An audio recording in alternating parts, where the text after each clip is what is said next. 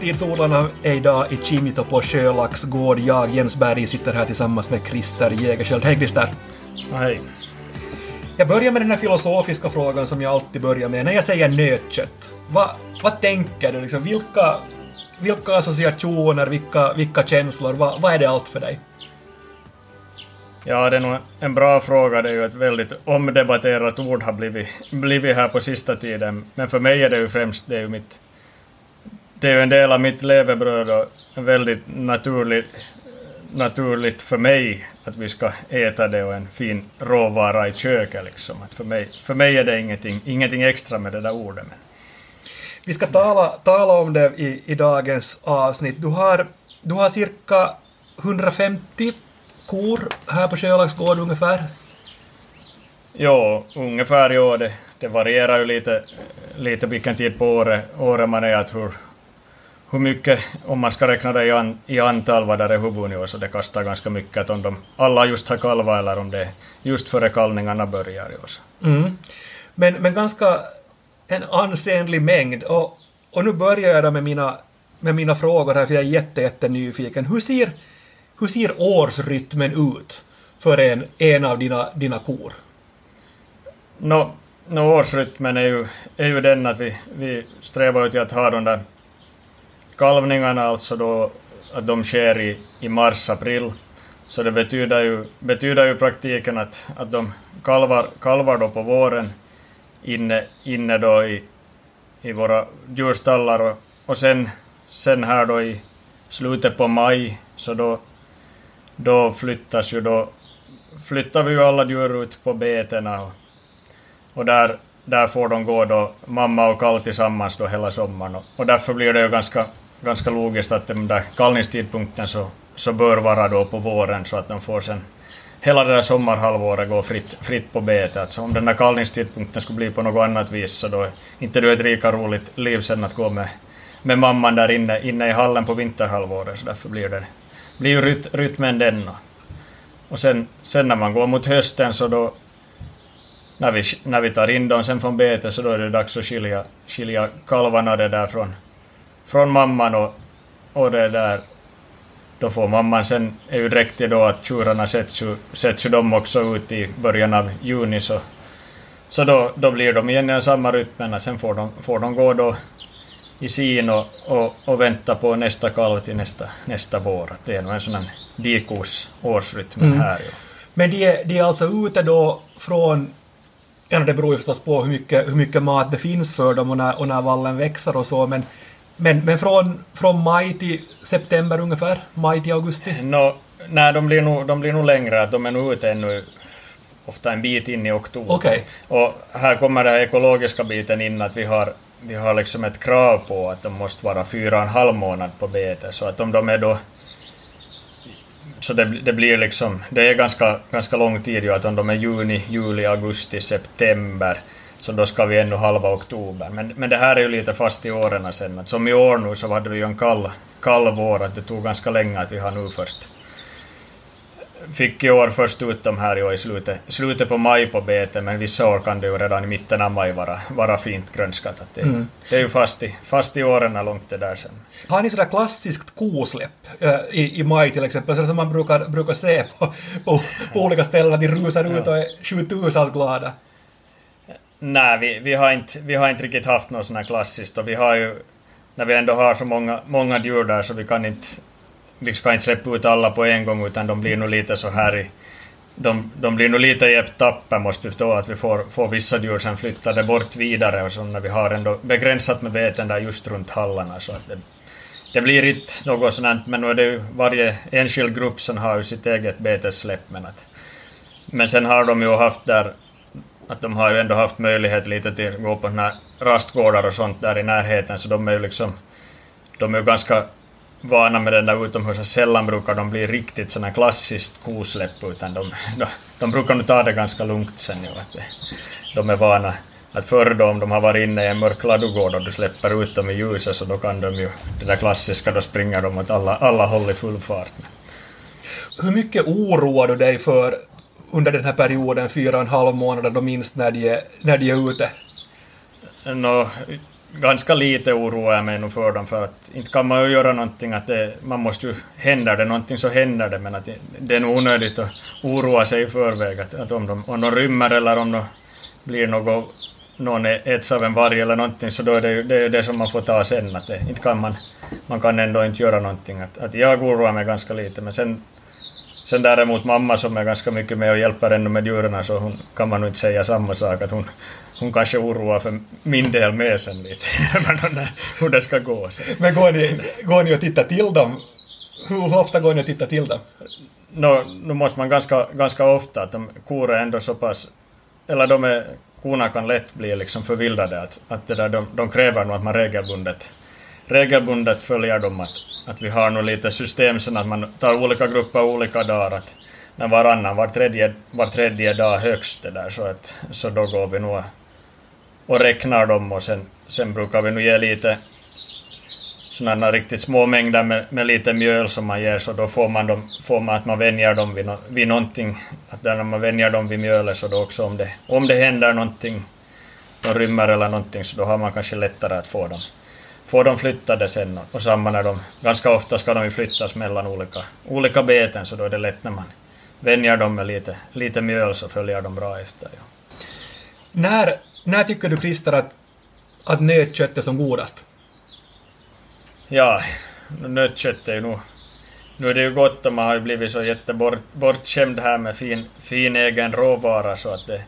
Men nu är, nu är ju ändå nu är det ju förstås att om man tar den där riktigt innerfilén och steker den snabbt, helst ska den vara riktigt rå i stekgraden, så nu, nu är det ju det nu är det ju det godaste, men nu finns det mycket, mycket andra goda bitar också.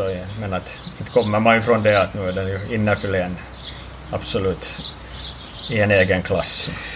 Du sa att du har blivit bortskämd, jag kan, jag kan förstå det. Hur, hur är ditt smaksinne? Känner du genast att det här är, är ekologiskt äh, producerat nötkött i jämförelse med någonting som kanske är mer fabriksproducerat? Mm, no, ja, nu skulle jag säga att jag, att jag känner skillnad på, på olika kött förstås och köttkvaliteten men sen direkt ekologiskt så kan jag inte säga att jag att där är nog mera, det är nog mera fast i den här eh, sättet hur de är uppfödda. Att om vi jämför med vårt, vårt kött också som för inte så för hemskt många år sedan också var konventionellt men när de ändå gick somrarna på naturbeten och föddes i princip upp med samma, samma system så inte har vårt kött ändrat på grund av att det blev då ekologiskt något.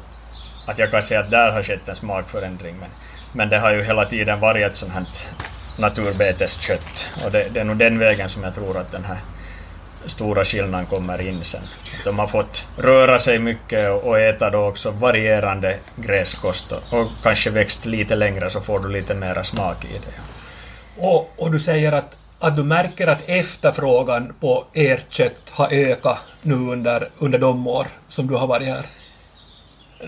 Nå jo, nu har det, nu har det att vi har nog mycket vi är, ganska långt är det liksom stam, stamkunder som köper och det är nog få sen som köper som när det alltid kommer någon ny så det, det är få som trillar bort kanske. Att det, är många, det, har nog, det har nog varit jättepopulärt. Och, jo.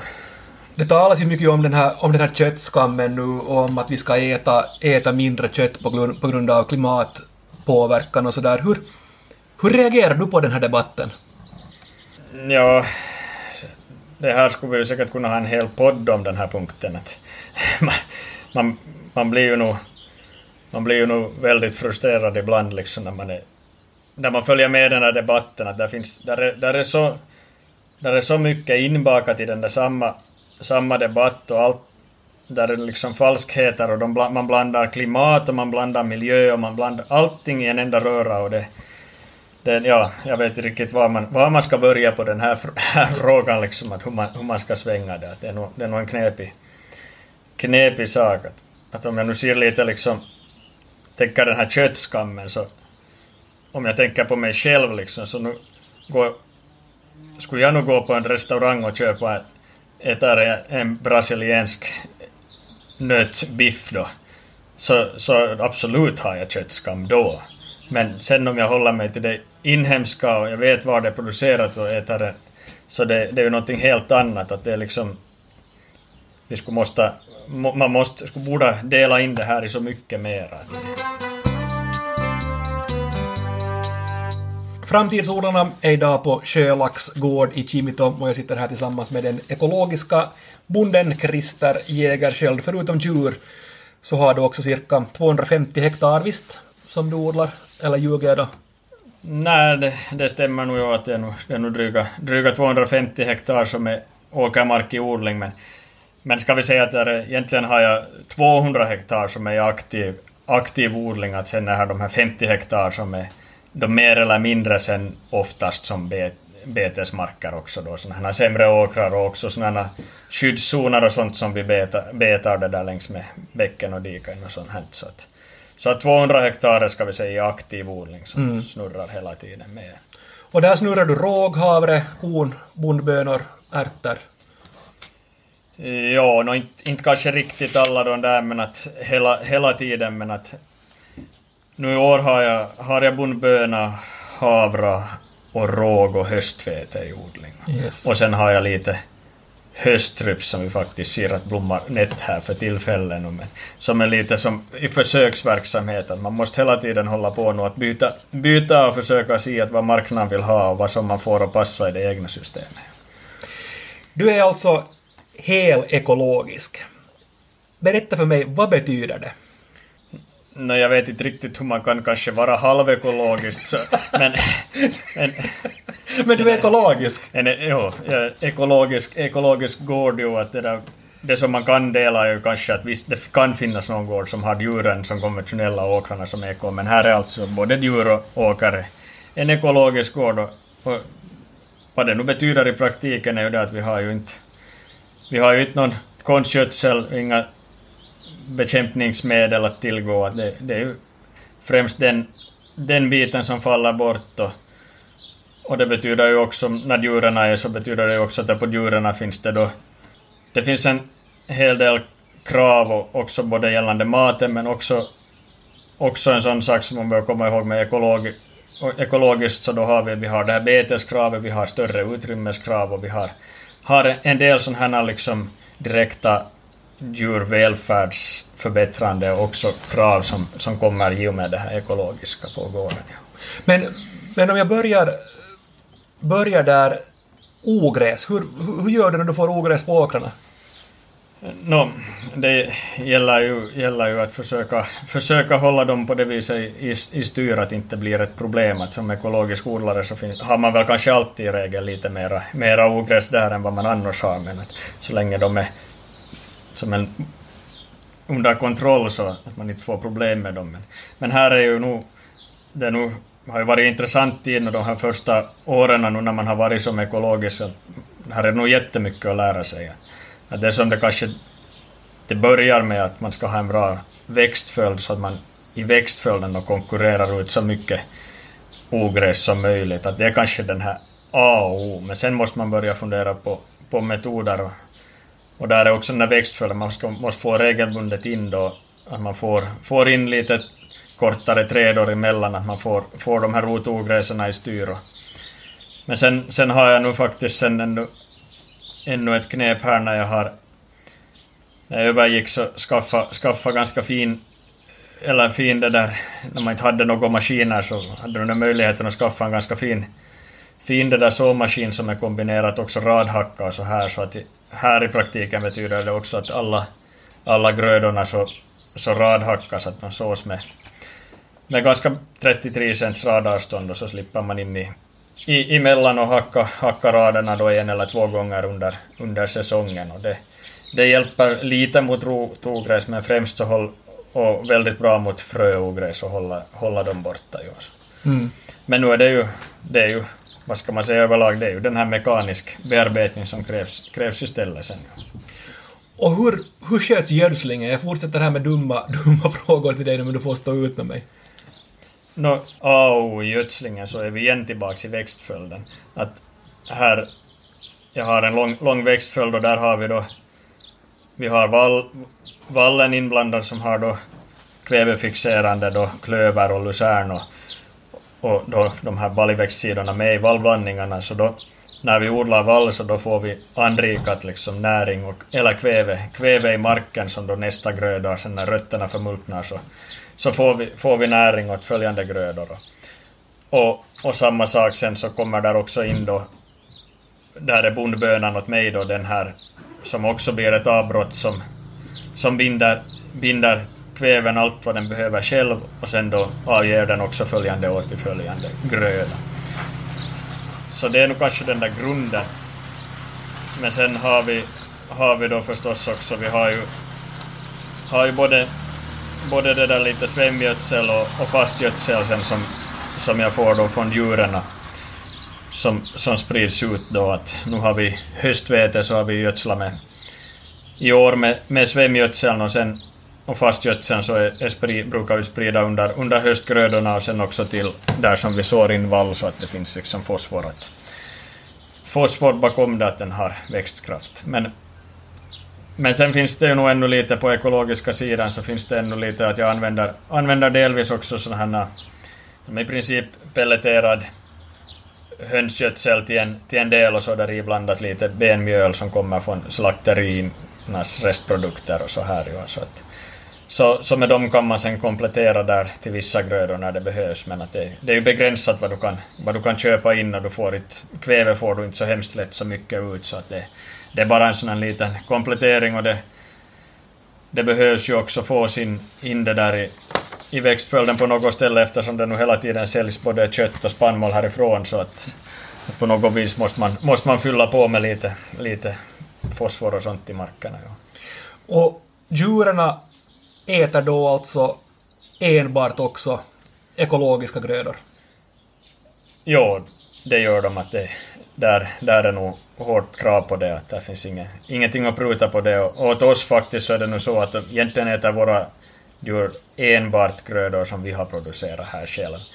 Och jag har nog valt att, att gå, gå in för en sån linje att jag, jag har lite prutat kanske på den där sista tillväxten, utan jag försöker föda i princip upp mina djur så gott som enbart på, på vall.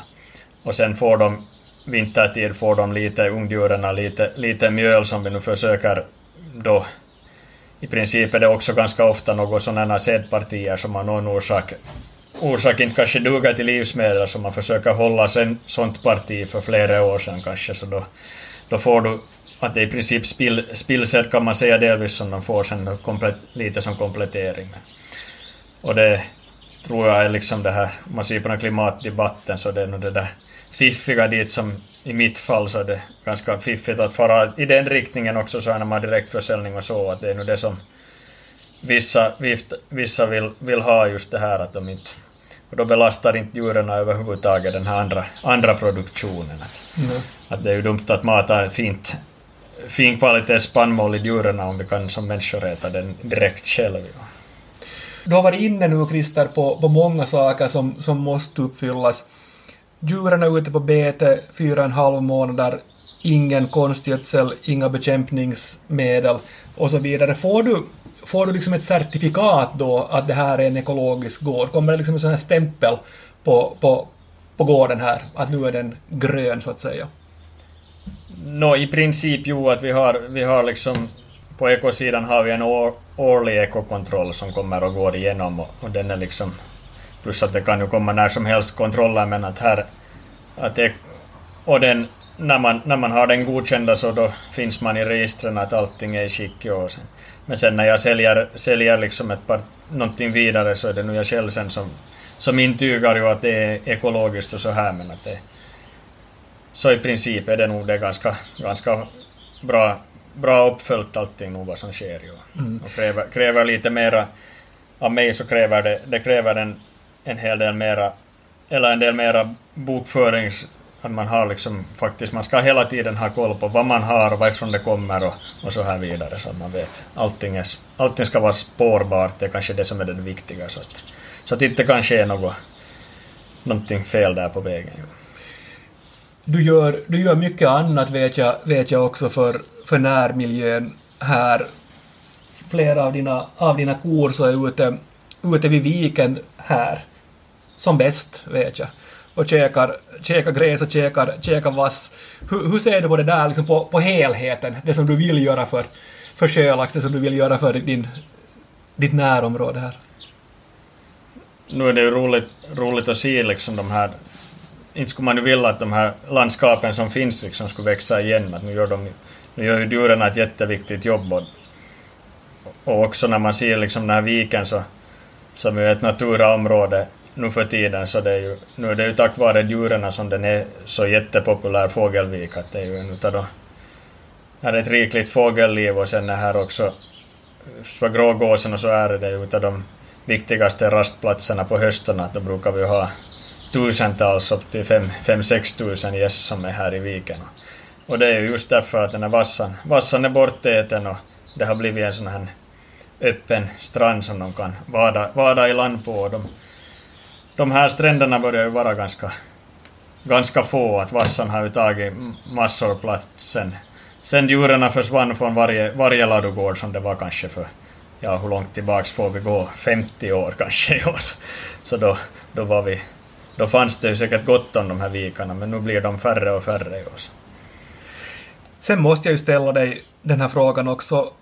Varför, varför valde du det ekologiska alternativet? Varför blev du ekobonde? Nå, det där nu... Det finns kanske många, många det där, men jag, jag hade nog länge redan under studietiden och det är kanske en vision om att bli det också. Det finns nu del, delvis i, i mig själv också att jag kanske är en liten ekohippie. Sen också sådär i botten liksom att det att jag har nog, har nog alltid haft det där haft den där intresse för den sidan och, och varit kanske lite skeptisk till, till en del andra saker som görs i den konventionella odlingen och sådär men att det, och sen, men sen det som nog kanske ändå sen det viktiga är att, att vår gård den råkar nog vara väldigt, det är väldigt lämplig för att vara ekologisk när vi hade, har liksom en passlig mängd djur i förhållande till arealen. Plus en hel del av de där strandbeten och, och sen sådana här betesmarker som, som lämpar sig liksom till det här systemet jag har så att nu att den är nog, den är liksom, det, en sån här dikogård, ska vi säga, det är kanske utav de mest passande gården att vara vara en ekologisk så här och då när man ser det både liksom ekonomiskt och sen också i praktiken hur man får det att fungera. Ja. Du använde här tidigare en term som konventionellt jordbruk. Jag är lite nyfiken på det där. Vad, vad är konventionellt jordbruk? Eller vad borde konventionellt jordbruk vara enligt dig? Mm, ja, no, det blev nog en bra fråga. Jag, vad ska jag nog riktigt säga på det där? Alltså, nu är ju konventionella jordbruket det enda som är det, det som producerar, producerar den mesta maten vi äter i världen idag och det, man ska nog inte nu ska man komma ihåg att det är väldigt, väldigt viktigt att vi har det konventionella jordbruket. Det, det är nog det som, som föder ändå de flesta av oss människor här. Men jag, jag tror att det, om vi ser på, ser på det här så det, jag tror att det är riktigt bra det här när vi har de här två vägarna. Vi har ekologiskt och konventionellt. Och och det, det gör, gör det liksom att nu ekologiska sidan, vi, där utvecklar vi hela tiden liksom mera och mera på den här växtföljder och marken och bearbetningsmetoder och ena och andra så vi, vi, vi håller oss hela tiden liksom utvecklar den sidan hur vi klarar oss utan då bekämpningsmedel och sånt för att också dagens konventionella odlare så har ett annat, annat system som man utvecklar gården med men man kan inte kanske alltid ta det heller för givet att det kommer funka det i all evighet och vi har glyfosaten som om det debatteras att ska det bli förbud eller ska det inte. Vi har ena och andra. Vi har vissa näringsämnen som att hur, hur mycket kommer vi alltid kunna, kunna bara på konstgjord väg få upp skördarna. Där kan, kan komma mera krav på den konventionella odlingen också att gå i den ekologiska riktningen och då är det också bra att den här utvecklingen sker på de ekologiska gårdarna ditåt hela tiden. Ja. Men hur mycket mera jobb blir det för dig att jobba ekologiskt? No, det har nog inte blivit hemskt mycket mera jobb för mig. Det blir lite mera bearbetningar men det faller ju bort annat istället. Och, och före vi blev ekologiska så hade här var specialgrödor lite mera då. Här var sockerbetor och en och andra som då krävde mycket jobb. Så det, det har balanserat ut sig lite att det har inte, det har inte ändrat så hemskt, hemskt mycket för, för mig sen. Att det blir lite olika jobb men att samtidigt om det före skulle vara vara vindstilla och passligt varmt och passligt allting för att fara ut och, och göra någon besprutning så nu, nu är det inte så mycket krav. Det går att köra hela dagen fast det blåser hur mycket som helst om man gör några radhackningar och sånt. Att det ändrar, ändrar ju på de där arbetena. Dagens framtidsodlare är alltså ekobonden Christer Jägerskiöld. Jag funderar ännu på en sån sak. Du är i framkant, du gör många saker på, på ett nytt sätt, du funderar mycket på växtföljden och du experimenterar mycket. Hur, hur ofta hör andra jordbrukare av sig till, till dig och ber om råd eller funderar och tips och sådär, hur har du gjort det här och, och sådär. Ringer telefonen ofta? Nå, no, no, den ring, ringer nog ganska ofta ju att, att inte, nu finns det alltid, eller nu, vi har nog haft överlag också bland som vi studerar i Skuffis och så här, så vi har nog många, man har många kontakter åt olika håll och vi, man vet ju den andras expertisområden så nu, nu ring, rings det ju en hel del alltid i kors och frågas råd, råd av den ena och den andra som är expert på något område så att nu, nu försöker vi ju, nu är vi många som försöker hålla sig up to date med vad som är det bästa och nu är det alltid bra att diskutera med andra så nu rings det, rings det en hel del om men nu har det ju kanske, nu när man har gått över till ekologiskt så är man ju lite, blev ju den här udda sen delvis ju så att man har ett annat nu expertisområde på gång sen ju så. Man. Men är det, är det så att, att, äh, att säga då konventionella jordbrukare ringer till dig för att fundera att, att hej, att skulle det här ekologiska månne vara någonting för, för mig också? Alltså för att du är en sån där omställningsfas eller sådär? Någon, någon, har någon nu har någon varit lite och nu har det ju diskuterats med en del men inte kanske hemskt mycket inte. Att hur det nu i praktiken, att det är ju inte så farligt mycket den, den vägen sen. Nej. Men tror, tror du att det är en generationsfråga? För jag menar, du är ändå en yngre jordbrukare nu om jag får säga det, fast du nu inte är så ung mer, men du är ändå från den yngre, yngre generationen. Tror du att det är så att det här är en generationsfråga, att sen följande generations jordbrukare i Finland, så där kommer en större andel att vara ekologiska bönder. No, nu tror jag det är delvis en sanning i det där, för att om det, om det är så att det, om du inte har så många år kvar och en äldre jordbrukare, du kanske inte vill då mera prova på någonting, någonting nytt, så nu är det ju logiskt att det är de här unga lantbrukarna som är de som, som hoppar över och, och ändrar, så nu är det delvis en generationsfråga, men sen att hur, hur det ser ut i framtiden så det beror ju nog mycket på, på att hur, hur stödsidan ser ut och hur efterfrågan ser ut på ekologiska produkter. Att nu kommer det ju i något skede att komma in för det att det är marknaden som ändå marknaden och politikerna som kommer att styra då att hur, hur mycket odlar vi ekologiskt i framtiden och hur mycket inte. Ännu det innan vi, innan vi avslutar. När du funderar på, på framtiden här, på din framtid och på, på Sjölax gård här. Vilka är de saker som du, som du drömmer om eller fantiserar om ännu? Här har jag nog mycket, mycket planer och huvud, huvud tänker alltid hela tiden på någonting ju att man många gånger kan man vara lite borta när man diskuterar med någon för man kanske redan i huvudet är på följande sak men, men det, är väl, men det är bra att vara lite tankspridd ibland ju.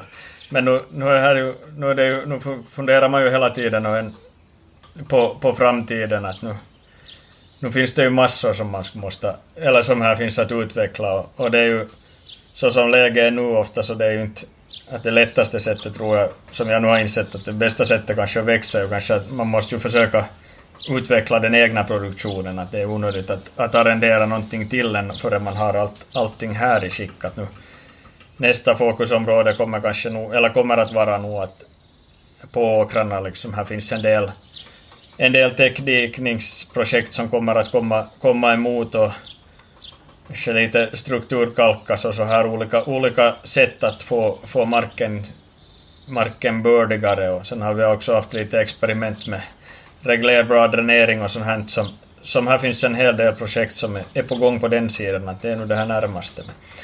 Men, men sen om man pratar visioner och sånt och far längre så då, då finns det då, då är ju kanske en sån här mål som jag nu ha byggt upp i huvudet att man skulle vara roligt att någon gång, någon gång komma till, jag vet inte om man någonsin kommer att komma dit, men att det är ju det att man skulle kunna bli energi självförsörjande här på gården.